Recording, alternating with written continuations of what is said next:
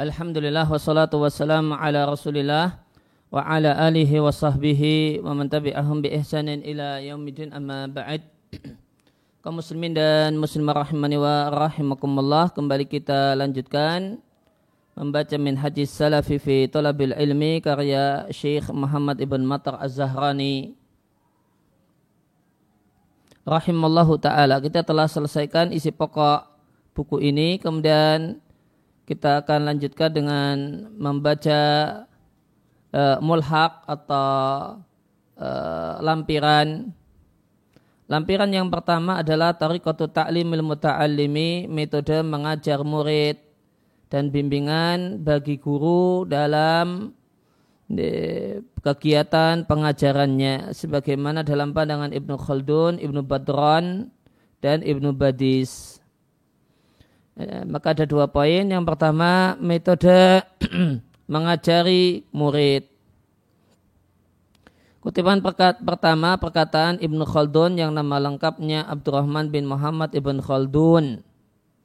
Dia mengatakan ketailah bahasanya mengajarkan ilmu kepada para murid innama yakunu mufidan pengajaran itu bermanfaat Idakan ala tadriji jika dengan metode bertahap sedikit demi sedikit. Wa qalilan qalilan sedikit demi sedikit.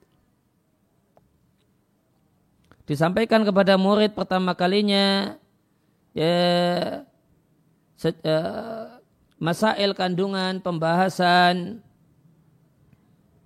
mingkuli babin di setiap bab dari satu cabang ilmu yang pembahasan atau masail tersebut adalah ya, hal-hal ya, yang pokok di bab tersebut. Kemudian dimudahkan baginya sarah dari masail atau penjelasan dari bahasan-bahasan tersebut, sarahnya cukup sarah global. Wuyara memperhatikan fidalika dalam mensarah ya, ya, kuwata dalika potensi atau kekuatan hal tersebut yahsululahu malakah.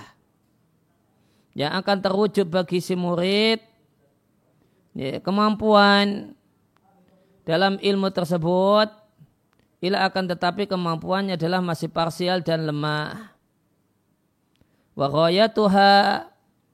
dan maksimal dari kemampuan tersebut Anaha bahasanya kemampuan ini menyiapkan lifahmil fanni untuk bisa memahami cabang ilmu tersebut wa tahsil dan bisa mempelajari pembahasan-pembahasannya. Sumayarji bihi kemudian murid itu kembali kepada cabang ilmu ini di langkah yang kedua. Maka dinaikkan dalam pengajaran dari level sebelumnya kepada level yang lebih tinggi. Kalau tadi sarahnya cuma global, maka level yang kedua yastaufi asyarha. Maka disarah selengkap-lengkapnya. Yastaufi artinya semuanya. Jadi lengkap. Wal bayana. Dan dibahas lengkap al bayana penjelasan. Penjelasannya selengkap-lengkapnya. Sehingga keluar dari sekedar, keluar dari posisi sekedar global. Dan disebutkan kepada murid, mahunalika minal khilafi. Perselisihan yang ada dalam pembahasan tersebut, wawajhu dan alasannya. Wa ila ayantahiya ala akhiril fanni. Dan seterusnya sampai berakhir pada akhir ilmu maka baguslah kemampuannya. Sumayarji bihi. Kemudian murid e, diajak kembali wakat syadda dan dia telah kuat maka tidak dibiarkan awison satu hal yang sulit, satu hal yang penting, satu hal yang terkunci kecuali dijelaskan dan dibukakan baginya gemboknya maka dia ya, keluar dari cabang ilmu tersebut waqat istaula dan dia telah menguasai malakatahu kemampuannya Semakal kemudian Ibnu Khaldun mengatakan inilah cara wajah di sini artinya cara ataukah bentuk pengajaran yang bermanfaat.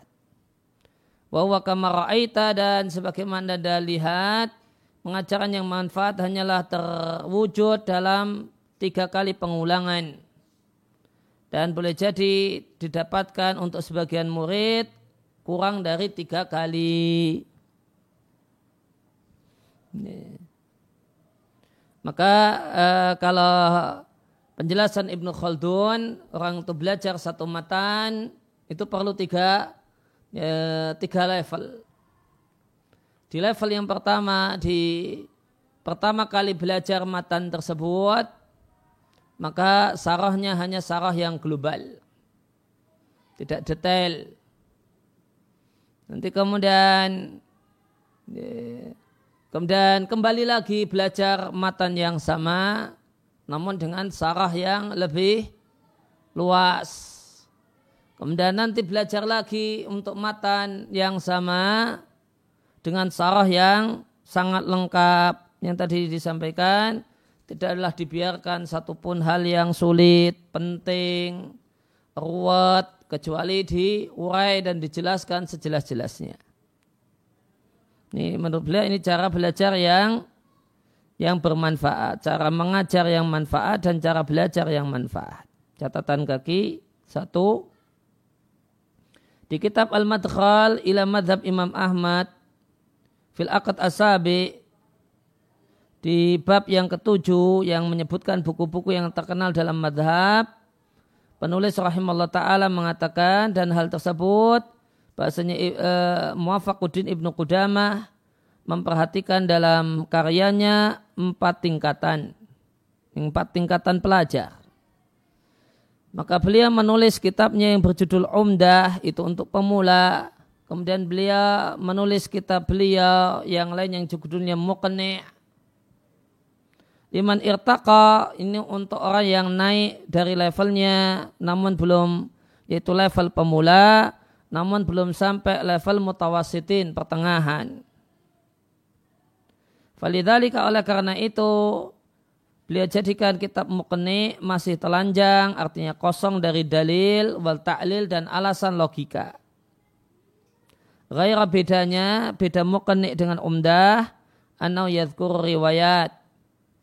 Ibnu Qudamah menyebutkan berbagai macam riwayat yaitu pendapat Imam Ahmad Eh, tujuannya supaya menjadikan pembaca itu memiliki ruang untuk mencapaikan pikirannya supaya terlatih melakukan koreksi. Kemudian beliau menulis buku Lil Mutawasitin yang ditujukan kepada uh, pelajar pertengahan. Wadzakara dan beliau sebutkan pada kitab uh, beliau tulis kitab Al-Kafi. Beliau sebutkan di kitab ini banyak dalil supaya naik jiwa pembacanya ke sampai ke level istihad dalam madhab. Hina yara al-adillata karena dia telah melihat dalil. Watartafi'u nafsuhu dan jiwanya pun naik ingin mendiskusikan dalil-dalil tersebut. Dan tidak menjadikan dalil-dalil tersebut hal yang musallamah diterima ya, ya, ditelan mentah-mentah. Kemudian yang ketiga atau kemudian summa alafa kemudian beliau menulis al-murni liman bagi orang yang naik dari uh, telah naik derajat dari level uh, pertengahan. Wahunaka di murni ini Ibnu Qudamah yutli' menunjukkan pada para pembaca berbagai macam pendapat Imam Ahmad. Wa ala khilafil a'immati dan perselisihan di antara para imam. Dan beliau tunjukkan banyak dari dalil-dalil para imam. Malahu ma'alaihim dalil-dalil yang mendukung mereka dan dalil-dalil yang menyudutkan mereka. Minal akhdi warat tali ulur antara sejumlah imam. Maka jika seorang itu telah fakihan nafsi, ilmu fikih itu telah menyatu dalam dirinya, dia telah memiliki malakah yang bagus, hina itin pada saat itu maka dia latih dirinya untuk naik kepada derajat istihad mutlak jika dia layak untuk itu dan terpenuhi lengkap pada dirinya syarat-syaratnya. Inilah maksud sang Imam Ibnu Qudamah dalam tiga karyanya. Dan ini adalah satu hal yang jelas ya, bagian dari metode beliau bagi siapa saja yang memperhatikannya. Maka penuntut ilmu itu secara umum ada tiga level. Yang pertama disebut dengan mubtadi'in level pemula. Dan level pemula ini targetnya adalah ya, taswirul masail. Ya, tahu gambaran, punya gambaran.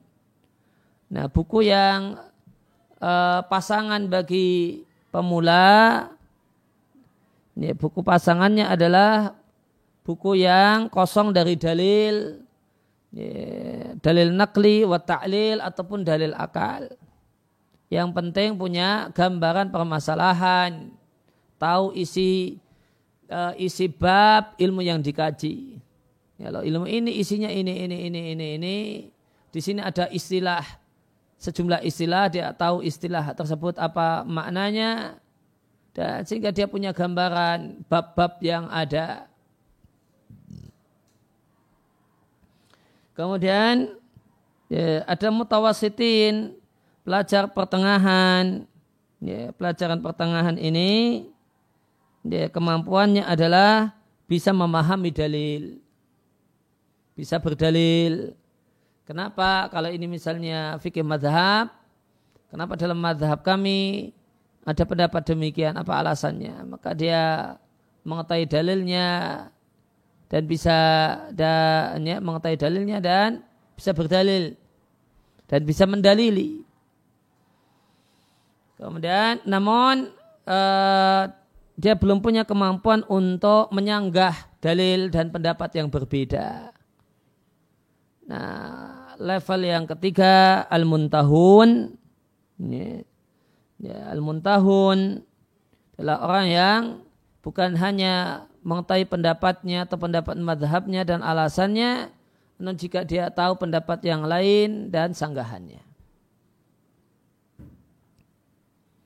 Kemudian selanjutnya penjelasan Abdul Qadir Ibn Ahmad Ibn Badran dia mengatakan dan ketailah bahasanya kegiatan mutolaah baca buku dan mengajar itu memiliki sejumlah cara yang disebutkan oleh para ulama dan sesungguhnya kami akan cantumkan huna di sini yang kami dapatkan ya, ceribah dengan pengalaman.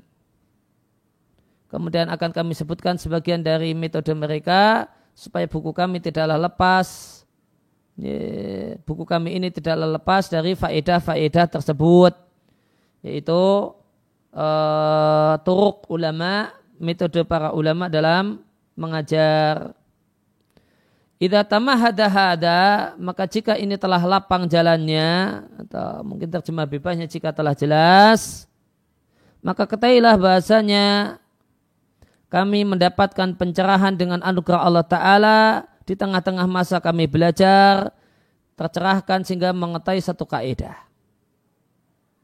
Ya, kaidah dalam belajar.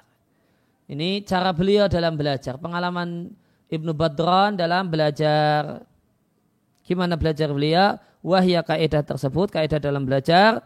Kami mendatangi satu matan awalan pertama kali maka kami kami ambil dari matan tersebut, mungkin maknanya kami hafal, jumlatan kafiatan lidars. Dengan kadar yang sudah mencukupi untuk dipelajari. Kemudian kami uh, sibuk bihalli tilkal jum, uh, mengambil sejumlah atau beberapa paragraf uh, beberapa paragraf fi halli tilkal jumlati. Kemudian diurailah kalimat tersebut tanpa melihat sarahnya. Hmm. Ya, maka ini di antara uh, mbak standar untuk pemula dalam belajar matan. Maka yang paling pokok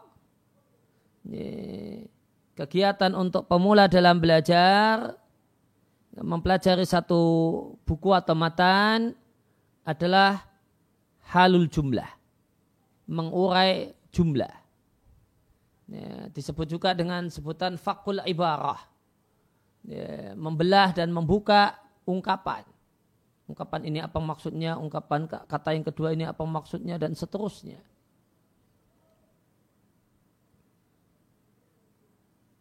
Nah maka latihan fakul ibarah halul, halul jumlah tanpa melihat sarah. Wanuzawiluha dan kami melakukannya sampai kami menyangka bahasanya kami telah memahami memahami sejumlah kalimat tersebut.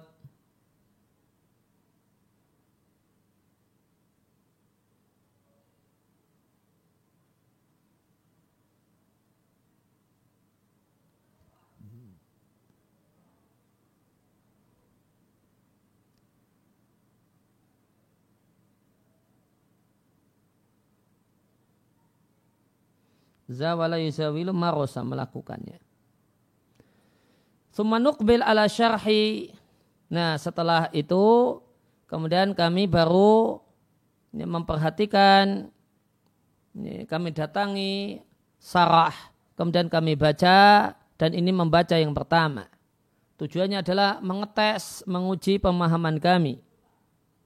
Maka jika kami jumpai pemahaman kami keliru, kami koreksi. Ya, kalau tadi kegiatannya yang pertama adalah memahami matan. Kemudian summa akbalna.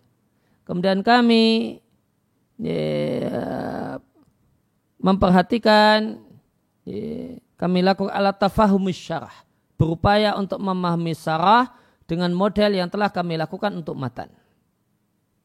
Ya, maka kalau yang kedua membaca sarah Kemudian sarah ini tentu ada kalimat-kalimatnya. Semuanya dipastikan sudah paham. Tidak ada yang tidak paham. Ini, semuanya berupaya untuk dipahami. kemudian apabila jika kami telah menyangka, kami telah paham, kami kemudian merujuk ke hasyiah. Sarahnya sarah. Jika kitab tersebut punya hasyiah. Dalam rangka uh, murojaah untuk menguji pemikiran kami.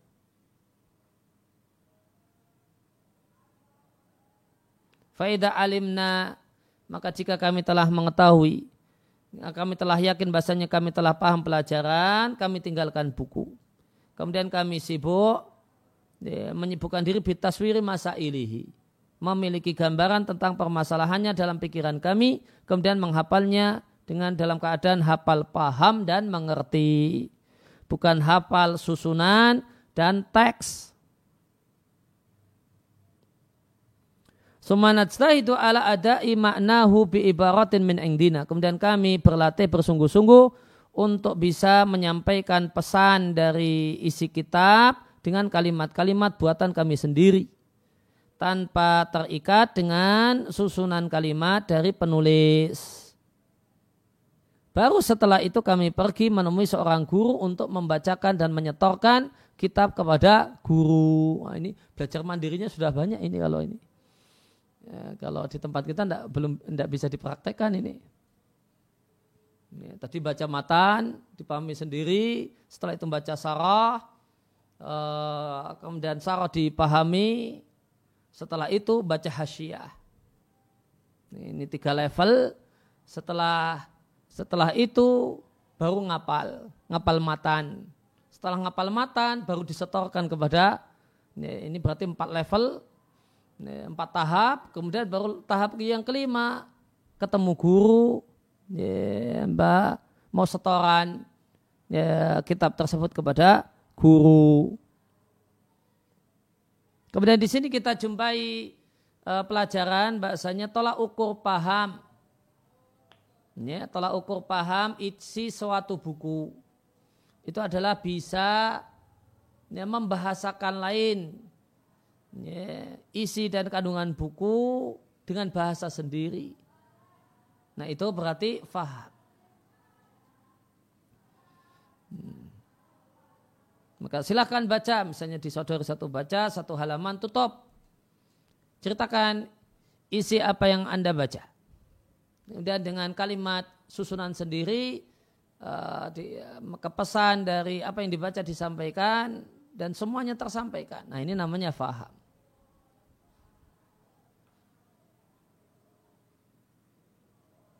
Nah, wahunaka kemudian di sana yaitu di depan guru kami mengetes, menguji pikiran kami dalam mengurai pelajaran.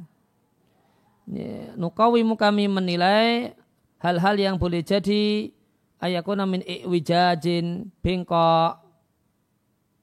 Dan kami memperbanyak himmah semangat. Kami sangat bersemangat untuk merespon menerima mayurdu al ustad apa yang disampaikan oleh guru. Mimma huwa zaidun alal matni. Ya, yaitu faedah yang disampaikan oleh guru yang faedah tersebut tambahan dan tidak ada pada matan dan tidak ada pada sarah. Maka akan kami respon dengan penuh semangat. Wakunan nara dan kami berpandangan bahasanya siapa membaca satu buku minfani dari satu cabang ilmu ala hati tariqati dengan metode ini mudah baginya semua buku di cabang ilmu tersebut baik buku ringkasnya yaitu matannya atau buku mutawalat atau buku tebal-tebalnya. Wasabata dan akan terpatri kaedah-kaedah ilmu tersebut fidhihnihi dalam pikirannya. Kemudian saya Abdullah Hamid Ibn Badis salah satu ulama dari Aljazair beliau katakan Fahmu kawaidil ilmi, faham kaedah ilmu dan menerapkan kaedah sehingga memiliki kemampuan untuk menggunakan kaedah inilah maksud dari belajar sama guru. Adapun memperluas lingkaran pemahaman, memperluas wawasan, wal itila' dan e, mengetahui berbagai hal, fa inna at-talibu binafsihi. Maka murid itu bisa sampai hal itu dengan dirinya sendiri dengan mentelaah berbagai macam buku, muzawalah, kemudian ya, dan dia melakukan litakrir, penjelasan, watahrir dan uh, ya, kajian. Tuma kemudian inna durusa bahasanya belajar sama guru. Hanyalah terwujud dalam kegiatan belajar sama guru. Uh, kaedah-kaedah sebagian ilmu. Dan masih tersisa cabang ilmu yang demikian banyak. Min fununil ilmi yang merupakan berbagai macam cabang ilmu yang murid itu bisa sampai kepadanya dengan mentelaah sendiri dengan membaca buku sendiri atau ya, baca buku atau kemudian diskusi bareng dengan kawannya ya, maka di sini beliau sampaikan maksud yang benar dari belajar sama ustadz, belajar sama guru. Itu maksudnya bukanlah, maksud pokoknya bukanlah memperluas wawasan dan pemahaman. Namun apa? Faham dasar-dasar ilmu. Karena dasar-dasar ilmu itu kuncinya. Maka kegiatan pokok guru dan belajar sama guru itu menguasai kunci atau kaidah-kaidah ilmu. Ya. Kalau kuncinya sudah faham, nanti diperluas sendiri seluas-luasnya, ya, bisa. Dan itu tidak bergantung kepada guru. Kemudian tadi beliau sampaikan, belajar sama guru itu tidak mungkin semua cabang ilmu. Belajar sama guru itu ya, hanya dapat cabang-cabang ilmu yang pokok ya, bisa jadi nah uh, nahu bisa jadi uh, ilmu fikih bisa jadi ilmu uh, usul fikih yang pokok-pokok. Padahal realitanya cabang ilmu itu demikian banyaknya. Maka yang lain gimana? Maka yang lain itu kegiatan mutolaah. Belajar sendiri belajar mandiri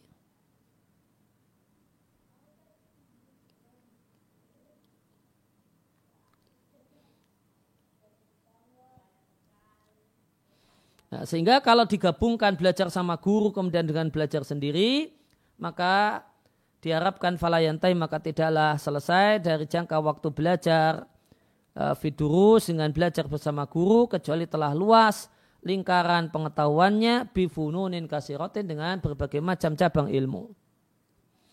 Namun kami saksikan para pelajar ilmu agama di zaman ini, di zaman beliau, di akbaril ma'ahid di sekolah yang paling besar semacam Zaitunah. Ini Zaitunah ini ada di Tunis. Ini ada di Tunis. Perlu diketahui bahasanya Zaitunah itu universitas pertama dalam sejarah kaum muslimin. Universitas pertama dalam sejarah kaum muslimin itu namanya ya, Ma'had Zaitunah di Tunisia. Ini lebih dulu dibandingkan Al-Azhar yang ada di Mesir. Maka dulu Zaitunah ini pusat ilmu.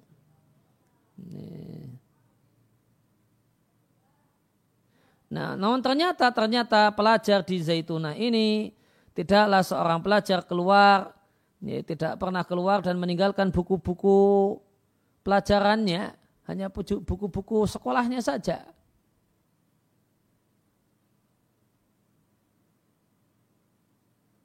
Tidak belajar, tidak keluar dari situ, berpindah pada mentelaah sesuatu dengan dirinya sendiri yang jika telah ini dilakukan maka dia akan bisa mendapatkan ilmu dan pengetahuan tentang hidup. Sehingga karena cuma berkutat pada buku ajar saja, buku daras saja, maka talib itu keluar setelah dia mendapatkan ijazah dalam keadaan dia asing dengan kehidupannya. Maka menjadi kewajiban para penuntut ilmu dan orang-orang yang mengurusi urusan para penuntut ilmu. Ayasiru adalah mereka berjalan di atas khittati tahsil garis belajar ya, tahsil ad-darsi. Ya, khutah ya, ya, apa, ya, rancangan belajar ya khutah bisa maknanya rancangan rancangan at-tahsil kegiatan belajar. Dan belajar itu ada dua macam tahsil ad-darsi belajar bersama guru kemudian wa tahsil an-nafsi Ya, belajar sendiri, belajar mandiri. Tujuan penggabungan dua jenis belajar ini lihat taqassadu fil waqti. Ya, supaya efisien dalam waktu dan luas dalam ilmu dan supaya mereka bisa yuwasi'u meluaskan nitaqat tafkiri ya, lingkaran pemikiran. Lingkaran pikirannya. Kemudian bagian yang kedua adalah irsyadul muallimi fi ta'limihi. Arahan bagi para guru, arahan bagi guru dalam kegiatan mengajar. Tentang hal tersebut Ibnu Khaldun mengatakan, kami telah saksikan banyak guru di masa ini yang kami jumpai, mereka tidak tahu metode mengajar dan metode ifadah. Ifadah itu memberi faedah sama dengan mengajar mereka hadirkan kepada murid di awal pengajarannya berbagai macam pembahasan yang ruwet, pembahasan ilmu yang ruwet. Kemudian mereka tuntut murid untuk menghadirkan pikiran menguraikannya. Dan mereka campurkan, mereka campur baurkan kepada murid dalam apa yang mereka sampaikan. Mereka campurkan royatul funun, bagian akhir dari berbagai macam cabang ilmu di awal ya, di awal cabang ilmu sebelum murid itu siap untuk memahaminya. Jadi ilmu-ilmu yang letaknya di belakang itu sudah disampaikan di awal belajar. Padahal itu bagian belakang, royatul funun, bagian belakang. Dicampur dengan bagian depannya di awal-awal belajar. Nah, mumet hasilnya muridnya mumat. Karena penerimaan terhadap ilmu dan kesiapan untuk memahami ilmu itu muncul tadrijian bertahap. Maka yang namanya murid pertama kali ajizan tidak mampu memahami ya, al bil jumlati satu kalimat kecuali sedikit.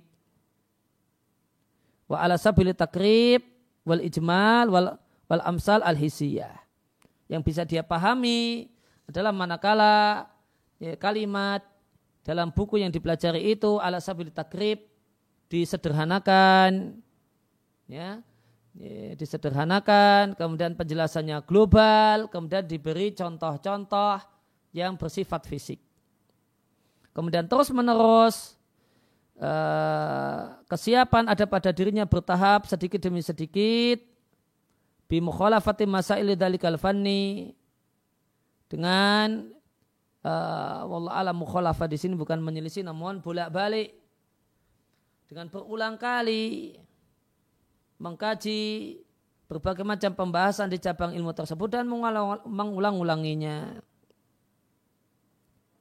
Maka jika disampaikan kepada murid al-ghoyat bagian akhir dari ya, dari satu ilmu fil bida'at di awal-awal belajar pada saat murid itu masih tidak mampu untuk faham dan faham dan jauh dari kesiapan maka bosan pikirannya untuk memahaminya.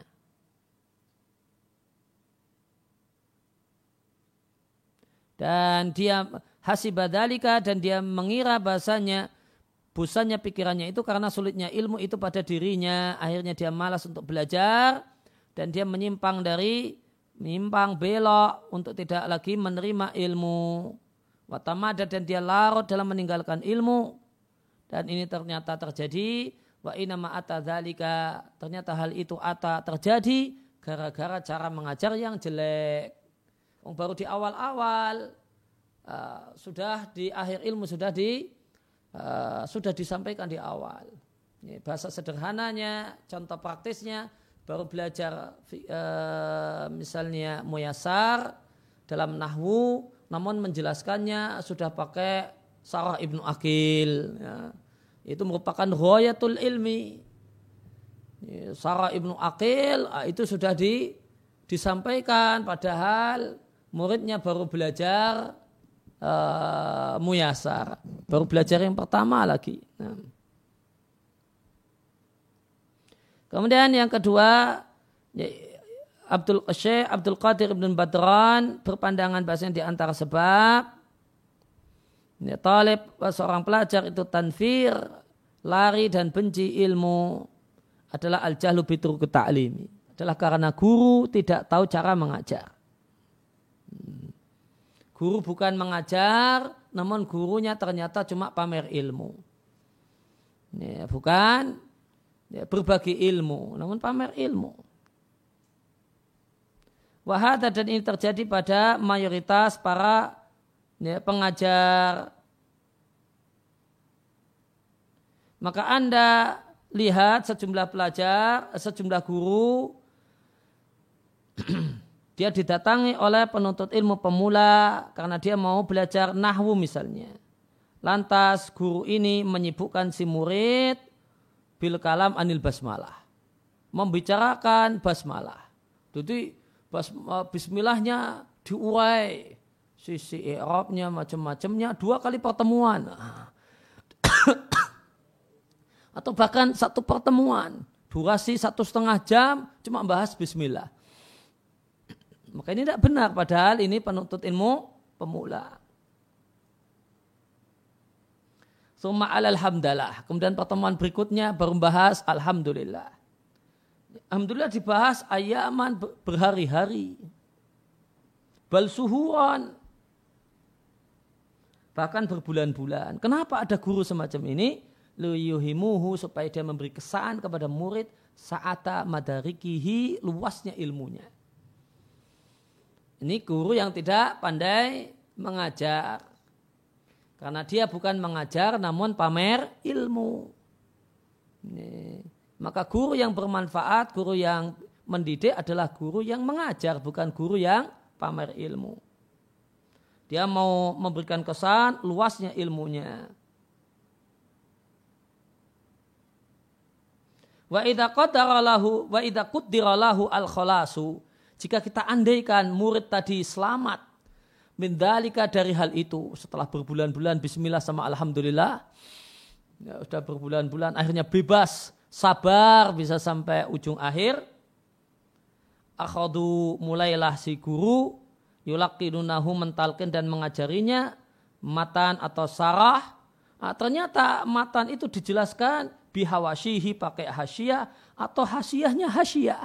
Nah, ini matan, sarah, hasyiah, kemudian hasyiahnya hasyiah. Nah ini matanya diurai pakai hasyiahnya hasyiah bayangkan. Jadi ini awal belajar sudah dikasih ujung akhirnya ilmu.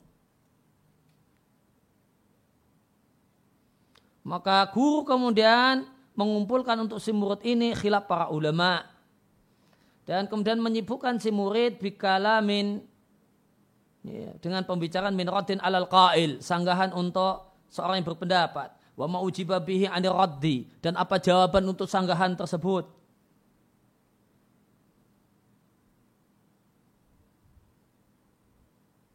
Walayazaluna dan guru ini terus menerus yadribuna lahu ya, memberikan kepada muridnya ala dalikal watar dengan model semacam itu sehingga tertanamlah dalam benak murid anan nawala hadal fanni bahasanya pembahasan cabang ilmu ini min qabili sokbi adalah jenisnya itu jenis sulit yang seorang itu tidak bisa sampai ke sana. Hmm. Nah ini contoh cara uh, belajar, cara mengajar yang jelek. Ini kitabnya satu kitab pemula itu ketika diajarkan materinya seperti materi uh, materi tingkat akhir, materi pelajar level akhir, level uh, bukan hanya menengah, level lanjut. Ini tidak benar. Biarkan kitab pemula itu berstatus sebagai kitab pemula. Menjadi apa pengantar. Ya, untuk bisa uh, menyelami ilmu kata orang Jawa ya biarkan uh, kitab pemula ini ya latihan bagi si murid untuk keceh untuk basah-basah untuk latihan basah-basah sebelum mandi sebelum diguyur ilmu. Jangan diubah. Maka ya praktisnya ya ngajar muyasar ya. Yang penting murid itu faham isi muyasar. Jangan ngajar muyasar yang dipakai tadi sarah alfiyah. Ya, yang dipakai sarah ibnu akil khilaf uh, basriyin dan kufiyin macam-macam uh, uh, dibahas Ya, kemudian perdebatan tentang definisi ya, dikaji. Maka ini ini belum waktunya dan belum saatnya. Guru yang semacam ini namanya guru pamer ilmu, bukan guru ngajarkan ilmu. Kalau guru ngajarkan ilmu, maka dia mengajarkan ya, yang uh, yang sederhana dari ilmu. Kemudian barulah kemudian muridnya diajak naik ke level selanjutnya, kemudian diajak ke level selanjutnya. Sumadzakara kemudian uh, Ibnu Badran menyebutkan golongan yang lain dari guru yang kebalikan dari golongan sebelumnya. Wahum dan mereka adalah man guru yang memposisikan dirinya sebagaimana posisi ulama muhakkik wajalasa ya, li ta'lim dan dia duduk untuk mengajar Fayatihi at-talib maka datang kepadanya uh, murid di kitabin mutawalin atau mukhtasarin. Ada yang datang dengan membawa kitab yang tebal, ada kitab yang ringkas yaitu matan. Fayatalaqahu minhu, maka kemudian murid belajar minhu dari guru ini sardan. La yaftahu lahu minhu mughlaqan. Maka cuma dibacakan begitu saja. Sardan itu dibacakan begitu saja. Tidak ada yang diurai, tidak ada yang didekatkan, disederhanakan, tidak ada.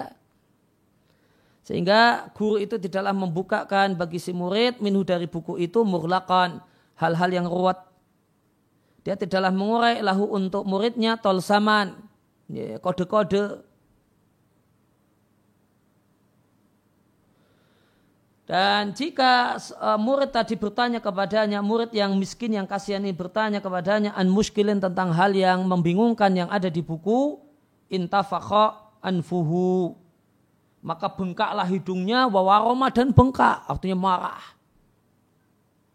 Kemudian dia respon muridnya ini dengan mencela dengan cacian. Wa asya'a anhu kemudian dia sebar luaskan anhu tentang muridnya. Dia ngomong-ngomong di berbagai macam kesempatan bahasanya murid itu dia yatlubul istihad dia ingin beristihad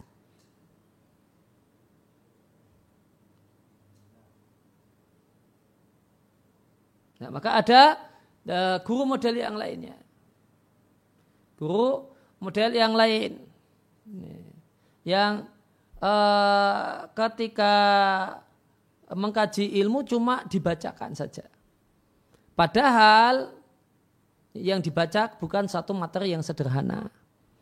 Kalau yang dibaca itu memang buku yang sudah sederhana, sudah bahasanya enak, ya tinggal baca saja. Itu sikap yang benar. Yang jadi permasalahan bukunya tidak demikian. Bukunya itu perlu dikasih contoh, diberi uh, contoh tambahan, diberi penjelasan tambahan. Uh, namun cuma dibaca begitu saja. Nih. Sehingga majelisnya majelis kiroah. Kiroatus sardan tadi. Ya, hanya begitu saja. Nah, maka metode uh, majelis ilmu dalam bentuk kiroah sardan itu ada levelnya, yaitu untuk level orang yang sudah uh, di untuk para penuntut ilmu yang levelnya level lanjut.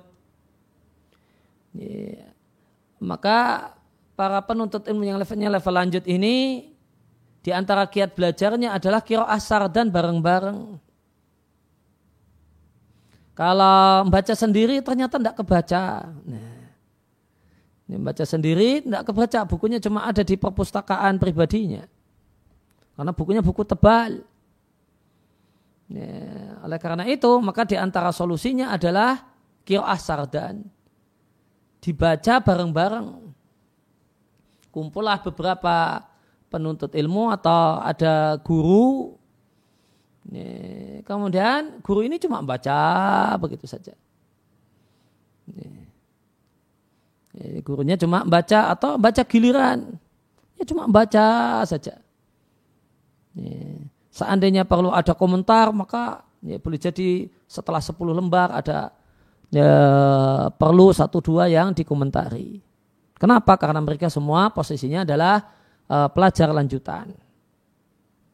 Nih secara umum sudah tahu maknanya maksudnya sudah tahu.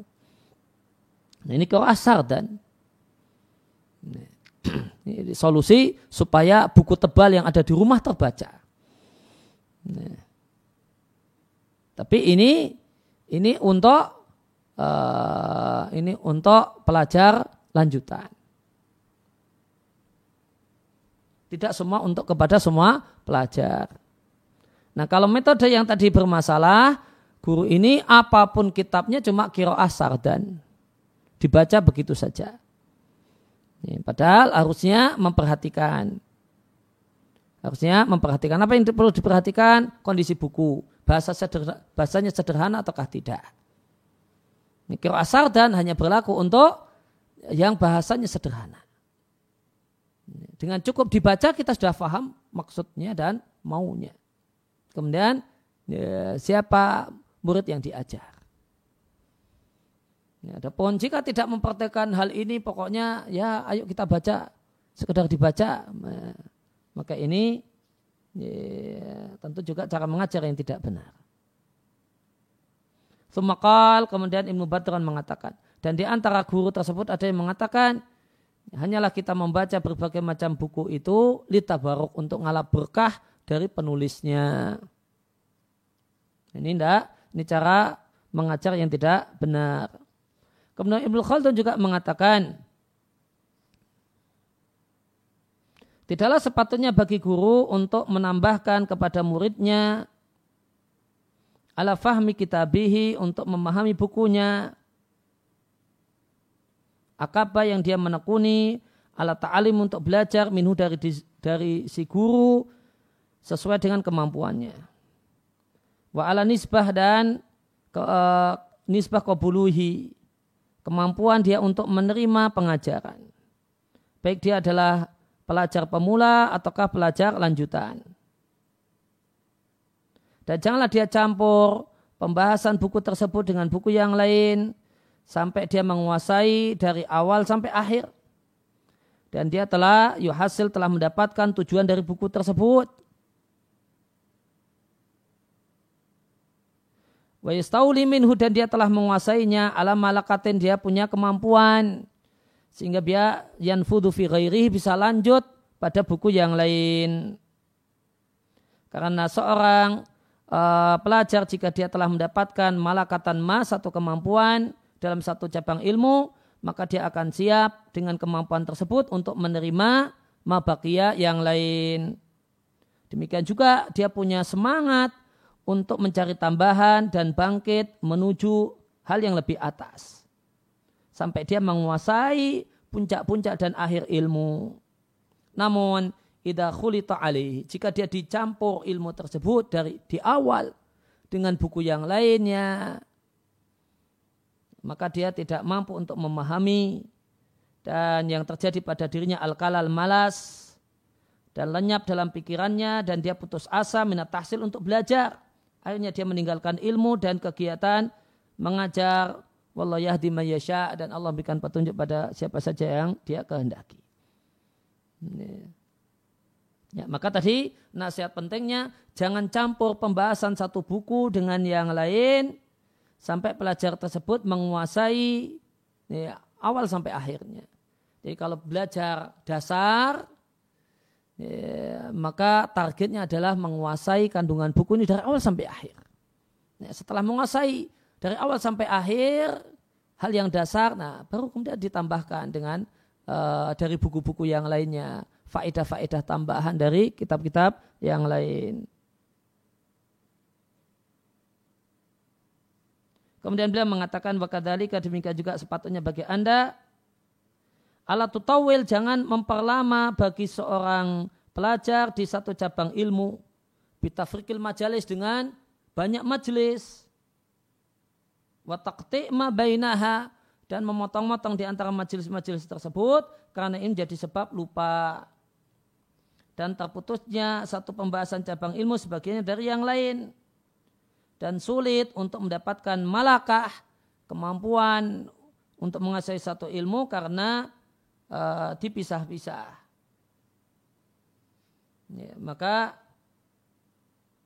uh, sarannya di beliau sampaikan maka jangan ada jeda yang sangat lama antara satu majelis dengan majelis berikutnya.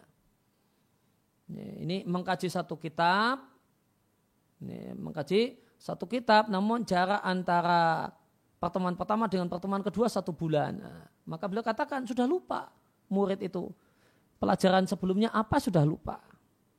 Ini. Kalau mau demikian solusinya ini, cari buku yang modelnya satu bab tuntas. Ini, misalnya buku ini terdiri dari beberapa bab. Maka di pertemuan pertama satu bab tuntas selesai. Nanti pertemuan selanjutnya bulan berikutnya bab yang kedua tuntas. Adapun satu bab dibagi dua, nah, satu bab dibagi dua, jedanya satu bulan, nah, maka ini nah, ini cara mengajar yang tidak benar. Karena murid sudah lupa. Bulan kemarin itu apa pelajarannya? Nah, sudah lupa. Maka ya, sulitlah untuk mendapatkan kemampuan penguasaan terhadap ilmu karena bitafirqiha karena ya, dipisah dengan jarak yang lama.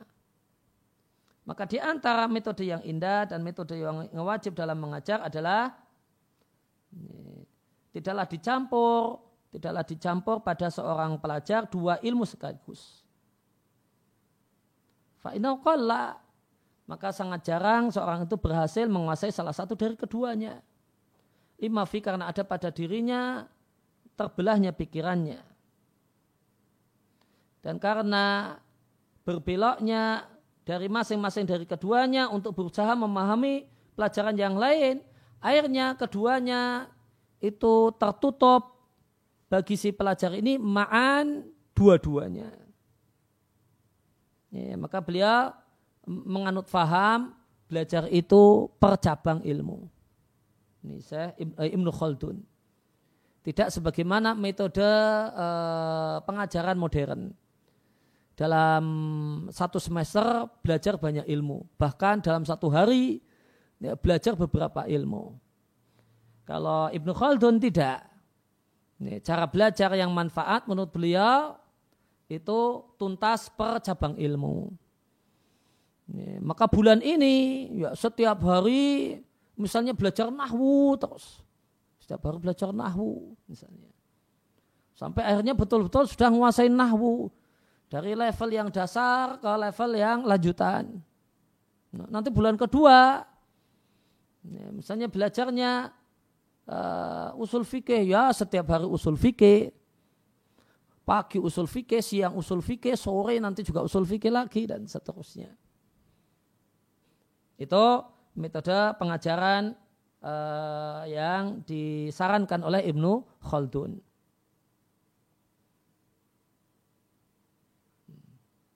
Namun uh, ya kita katakan orang bisa boleh uh, punya pandangan berbeda dalam masalah ini. Masing-masing punya kelebihan dan keunggulan.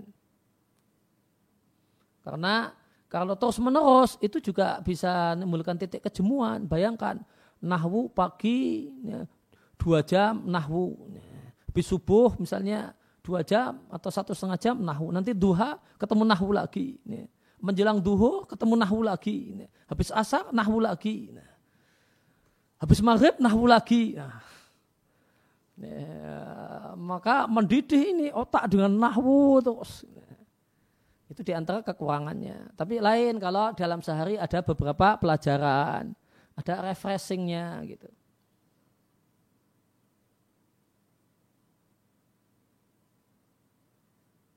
Ya, kemudian wa al fikru maka jika pemikiran itu sudah fokus di taklimi mahwa bisa bilihi untuk mengajarkan apa yang mau diajarkan dan mencukupkan diri padanya. Faruba maka nadalika ajaddu li tahsilihi. Maka boleh jadi metode semacam ini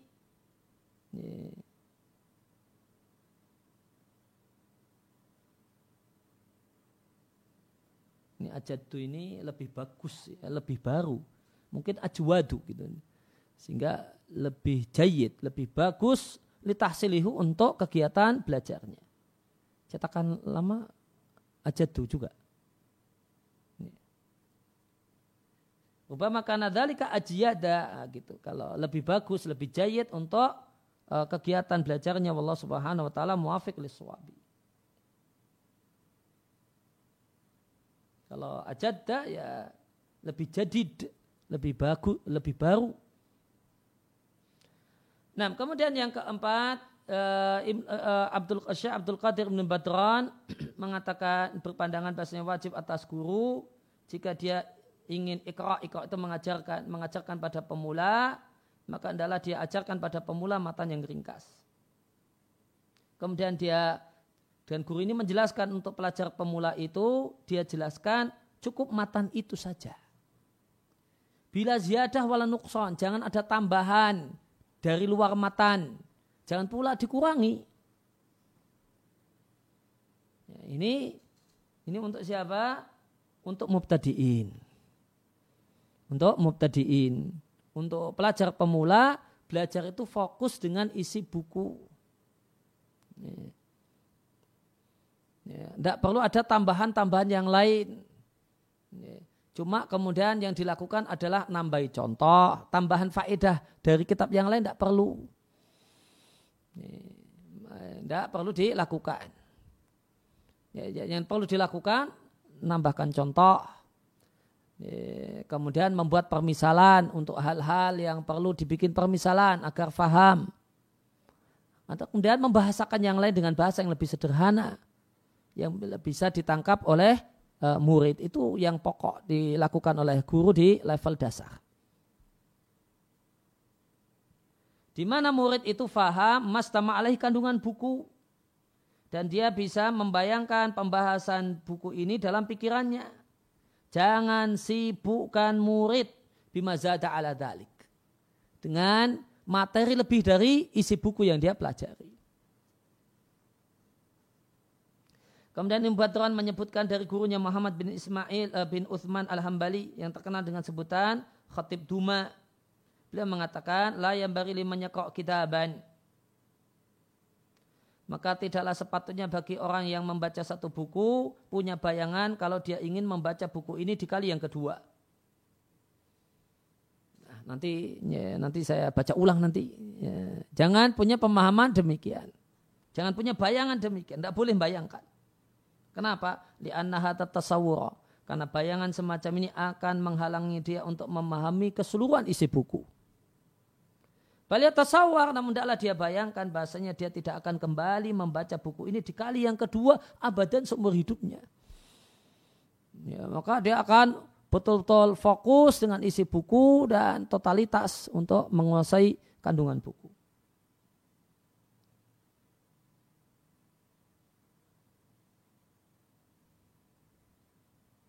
Wakana yakul dan beliau mengatakan semua buku yastamilu ala masyail madunahu semua buku itu memuat pembahasan-pembahasan madunahu yang levelnya di bawah buku itu. Waziyadah. Dan ya, tambahan, berarti levelnya uh, di atasnya. Setiap buku itu seperti itu. Ini dia menyampaikan hal-hal yang ini adalah ada di buku di level sebelumnya. Namun ada juga tersisip pembahasan yang ini harusnya letaknya di buku setelahnya. Sehingga fahakik masa ila madunahu. Maka kuaisalah dengan baik pembahasan-pembahasan di level sebelumnya supaya banyaklah kesungguhan Anda untuk memahami materi-materi tambahannya.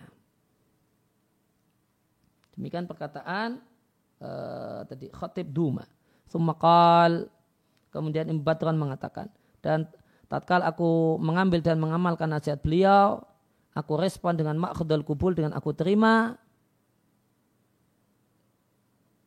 Lam ahtaj fil qiraah alal asatidah maka aku tidaklah perlu belajar sama guru dalam berbagai macam ilmu dan cabang ilmu ila aktar min sitti sinina lebih dari enam tahun fajazahullahu khairan. Kata maka Ibnu Badron, pengalaman belajar Ibnu Badron, beliau cukup belajar sama guru itu enam tahun saja. Setelah itu sudah bisa jadi pelajar mandiri.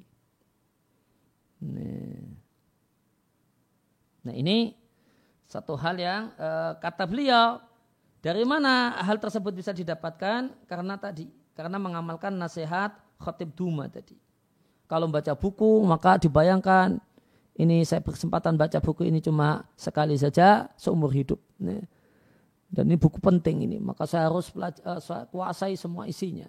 Saya fahami dengan baik. Kemudian yang kedua tadi, kalau semua buku itu pasti ada menyinggung materi di level sebelumnya dan nyerempet-nyerempet materi yang cocoknya untuk buku setelahnya. Maka kuasailah materi sebelumnya, supaya semangat untuk menguasai materi tambahan. Jadi, maka menurut ilmu badran orang itu ya, perlu belajar sama guru bahasa lainnya di tempat kita. Mondok itu enam tahun habis itu sudah jadi pelajar mandiri. Nah, idealnya ya demikian. Dan beliau juga mengatakan thumma inal aula. Kemudian yang yang paling utama fita'limil mubtadi'i untuk mengajar pemula adalah menjauhkan pem, uh, ust, ustadz si pemula ini menjauhkan si pemula. Jangan sampai ikra ikra itu membacakan berarti mengajarkan mengajarkan buku-buku yang sangat ringkas yang sulit untuk dipahami. K seperti Muhtasar Usul karya Ibnu Hajib Kafiyah Lahu karya Ibnu Hajib dalam Nahwu. Karena menyebutkan diri dengan semisal dua buku yang ringkas ini ikhlalun bitahsili. Ini uh, merusak kegiatan belajar. Lima fima karena dalam dua buku ini dan buku sejenis dengannya uh, minat takhliti tercampur bagi seorang pemula ya, karena muktasar kan untuk pemula sebenarnya. Ya, namun ternyata untuk pemula ini tercampur padanya bi'ilqa'il ghayat. Disampaikan padanya puncak-puncak ilmu alaihi untuk pemula. Wahuwa dan pemula belum siap untuk menerimanya. Belum siap, ba'du belum siap. Maka mengajarkan il, uh, buku semacam ini min su'i ta'limi. Ada di antara cara mengajar yang jelek. Itu hindari buku yang terlalu ringkas. Ya, untuk pemula jangan buku yang tebal. Namun biar dia semangat uh, belajar tuntas kemudian lanjut lagi. Nah itu bukunya buku yang tipis. Tapi buku yang tipis ini carikan yang bahasanya sederhana. Jangan buku tipis namun tidak sederhana. Jadinya tetap lama. Proses mengajarnya jadi tetap lama. Padahal di antara tujuannya adalah karena ringkas, cepat selesai, ada semangat untuk lanjut belajar.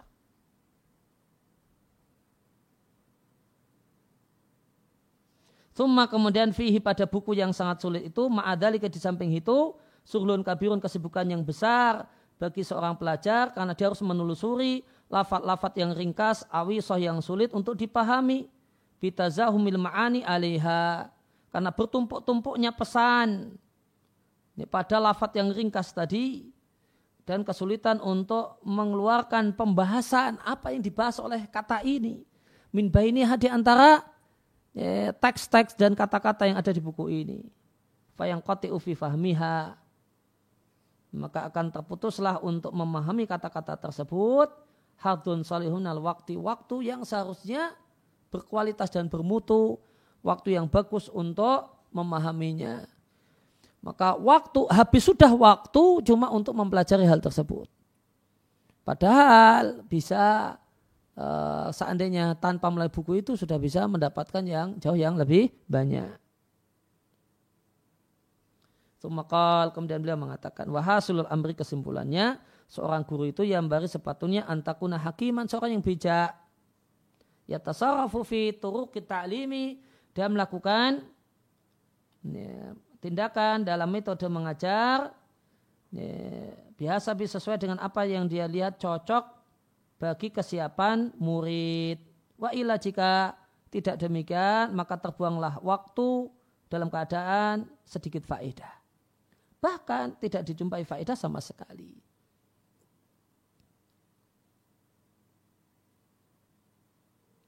Ya, maka bijak kemudian memperhatikan kesiapan murid. Itu kata kunci untuk guru yang baik. Kemudian waktu ku taklimi metode mengajar amrun dauki itu masalah perasaan, masalah rasa. Hmm, ngajar itu gimana? Perlu pakai papan tulis ataukah sekedar ngomong, dialog. Ini berkenaan dengan rasa.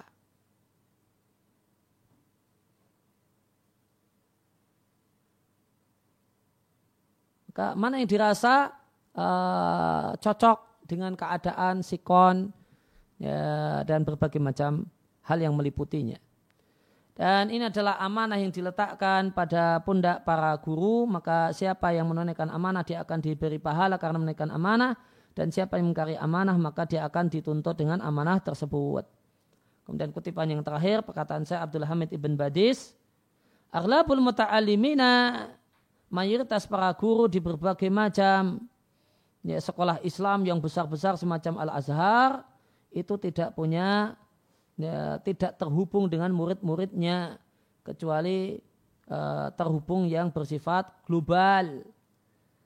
Layat tajawazu tidak lebih dari sekedar waktu belajar di kelas. Ya, banyak guru demikian, tidak punya kedekatan dengan murid. Ya, dia ketemu murid cuma pada saat di kelas saja. Apa yang terjadi kalau guru tidak punya kedekatan dengan murid? Fayatakharuj talamidatu maka murid itu lulus fil ulum di berbagai ilmu dan cabang ilmu akan tetapi tanpa ada roh ini, tanpa ada roh khas yang ditiupkan oleh guru dalam muridnya.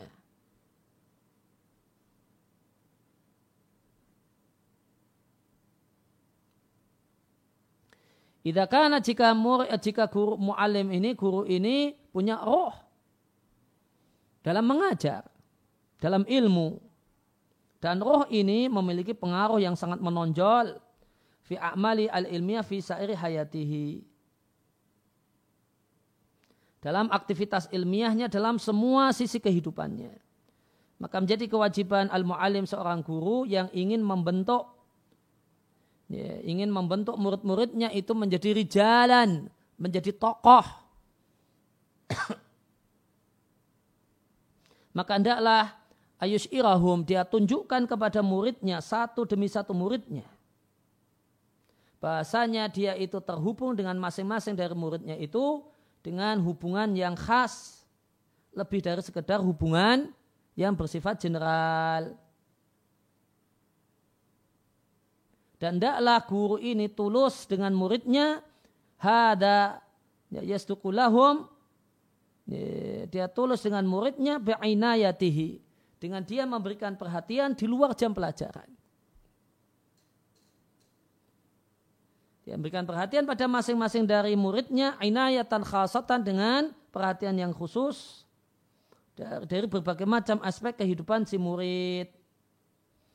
Sehingga murid itu masing-masing dari murid itu merasa bahasanya dia fitori tarbiyatin dalam fase dididik wa ta'lim dan diajari. Wa fi kafalati abin dalam pengasuhan seorang ayah ruhiyin yang punya roh dalam mengajar, dalam mendidik. Yang yang ayah ini, ayah ideologis ini, yaktifu alaihi sayang kepadanya, wa nabi perhatian dengannya, semisal perhatian ayah kandungnya, ayah biologisnya, au akthar, atau bahkan lebih dari itu. Ya, maka uh, Ibnu Badis menyampaikan di sini bedakan antara uh, mendidik dengan sekedar mengajar. Kalau mengajar hubungannya cuma di kelas. Uh, jam uh, jam di kelas selesai sudah. Itu mengajar. Lain halnya dengan mendidik. Kalau mendidik harus ada namanya itisal khas. Hubungan ya, khusus. Nah hubungan khusus ini bentuknya adalah seorang guru itu punya perhatian dengan perhatian dengan muridnya. Ya, diawali dari dia mengetahui uh, nama muridnya, dia ngobrol dengan muridnya ketika ada kesempatan, dia welcome, dia terbuka kalau muridnya mau konsultasi, mau kemudian bertanya dan sebagainya. Demikian juga uh, tadi ketulusan dalam dalam itisal khas tadi hubungan yang bersifat khusus ini bisa dibuktikan dengan uh, guru mendoakan murid-muridnya. Ini mendoakan kebaikan untuk murid-muridnya.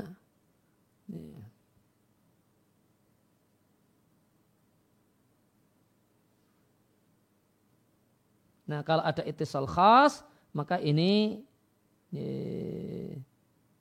ye, maka inilah uh, yang namanya tarbiyah, ini yang namanya pendidikan. Jadilah guru ini betul-betul menjadi bapak ideologis. Ye, yang tadi sampaikan sering kali dan terkadang bapak biologis ini malah lebih perhatian, jauh lebih perhatian daripada bapak biologisnya. Ini. Ini. Nah demikian. E, kemudian untuk mulhak yang kedua atau apa? E, materi tambahan yang kedua. E, kita baca sedikit satu paragraf. Kalau Al-Hafidh Abu Umar Ibn Abdul Bar di kitabnya Jami' Bayanil Ilmi wa Fadlihi wa ahsanu ma ra'aitu fi adabi ta'allumi wa tafaqquhi minan nadhami minan nadhmi nazam atau syair yang paling bagus yang aku lihat dan aku ketahui berisi ada belajar adalah satu nazam yang dinisbatkan pada lu'lu'i yang dia adalah nazamnya jenisnya rojas. Waba'dum dan sebagiannya menasabkannya sebagai uh, bait-bait syair karya Khalifah Al-Ma'mun. Wakat itu dan aku berpandangan irada ma dukira mindalika lihusnihi. Aku berpandang untuk membawakan uh, hal tersebut karena indahnya isi kandungannya. Walima rojautu minan naf'i bihi liman tola kita bihada. Dan karena aku berharap ya, bisa memanfaatkan, bisa mendapatkan manfaat dari nazam tersebut bagi, bagi siapa saja yang membaca buku bukuku ini nafa'anallahu wa iyyahu bihi semoga Allah memberikan manfaat kepada kami dan dia yang membaca buku ini bihi dengannya. Qal kemudian Nazim mengatakan wa'lam bi anal ilma bi ta'allumi wal hifdhi wal itqani wa tafahumi wal ilmu qad yurzaqahu saghiru fi sinnihi wa yuhramu kabiru. Dan seterusnya. Yang bait-bait ini telah kita bahas ya, telah kita bahas plus sarahnya. Ya, kita bahas di kajian sarah uh, Buhjatut Tulab ya, cara Buhjatut Tulab karya Sasolah Al-Usaimi hafizahullah taala. Karena sudah kita baca maka kita tidak perlu baca lagi di uh, bagian ini. Sehingga dengan demikian kita anggap selesai dan telah kita anggap uh, cukup apa yang perlu untuk kemudian kita baca, kita telah ah dari buku Minhajis Salafi fi Tolabil Ilmi karya Syekh Matar Az-Zahrani rahimallahu taala. Demikian eh, mudah-mudahan apa yang kita baca, apa yang kita dengar, eh, apa yang kita dengar, apa yang kita simak dan apa yang kita pelajari Allah jadikan sebagai ilmu yang bermanfaat ya, di dunia dan di akhirat. Wassalamualaikum Muhammadin wa ala alihi wasallam wa akhda'ana anil hamdulillahi rabbil alamin. Baik, Ustaz, uh, ada pertanyaan. Ustaz, Assalamualaikum warahmatullahi wabarakatuh. Waalaikumsalam warahmatullahi wabarakatuh. Apakah pantas mengajarkan pemuda-pemuda yang ingin belajar sholat sesuai sunnah, sifat sholat Nabi dengan kitab semisal sifat wudhu dan uh, sholat se tuai jiri diajari teori dulu baru praktek?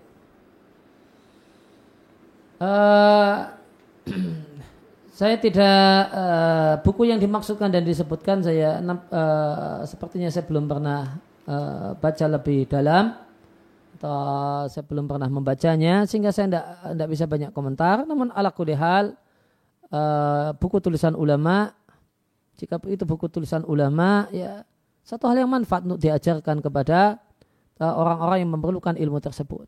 Yeah. Namun ya satu hal yang patut untuk ditanamkan ya bahasanya belajar ini untuk konsumsi pribadi bukan untuk uh, kemudian ya, untuk kemudian mencela yang lainnya. Artinya ya, ketika seorang itu belajar dari buku tata cara sholat dari satu kitab, ya, janganlah ya, maka itu untuk konsumsi pribadinya.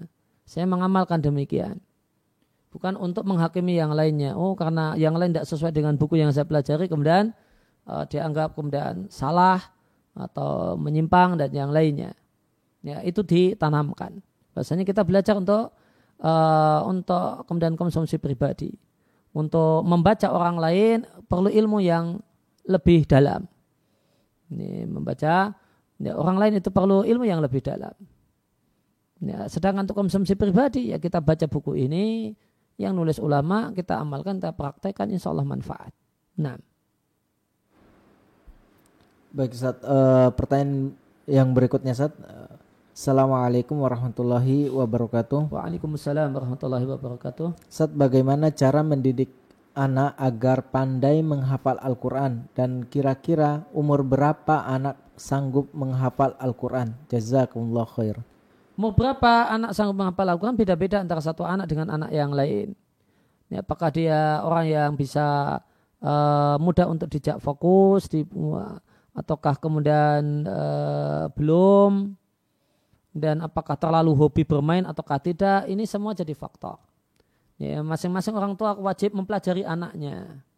Kemudian memberikan treatment dan terapi yang pas untuk anaknya masing-masing anaknya tersebut. Boleh jadi antara kakaknya dengan adiknya berbeda.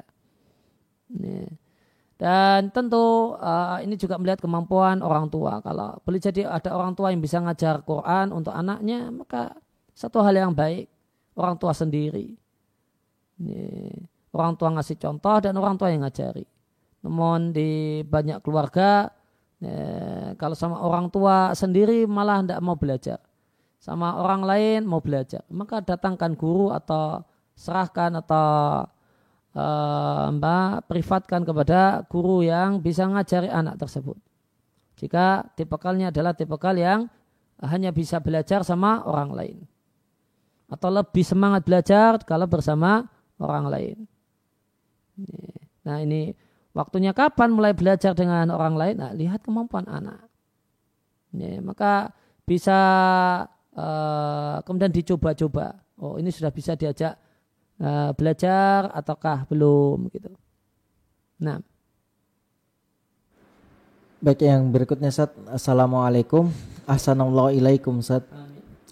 Sat apakah Sarah Al-Jurumiyah karya Syekh Usaimi rahimullah cocok dibaca untuk pemula? Barakallahu fiq. Uh, beliau buat sarah tersebut untuk pemula. Ya, saya belum baca tuntas uh, sarah beliau, namun yang jelas beliau uh, ajarkan itu untuk pemula. Namun problemnya pemulanya yang jadi sasaran beliau adalah daurah. Ya, bukan ya, bukan pelajaran reguler. Dan tabiat daurah itu berbeda dengan tabiat ya, tabiat pelajaran reguler. Pelajaran reguler perlu contoh yang banyak. Kalau daurah mungkin satu dua sudah sudah dirasa cukup padahal realitanya betul ini. Uh, sehingga ya ala kulihal kalau ini mau dijadikan sebagai pelajaran reguler ya, maka perlu beberapa penyesuaian di antara memperbanyak contoh kemudian memperbanyak latihan ya, yang bisa diambilkan dari buku-buku yang lainnya. Nah. Demikian subhanakallahumma bihamdika asyhadu an la ilaha illa anta astaghfiruka wa atubu ilaik.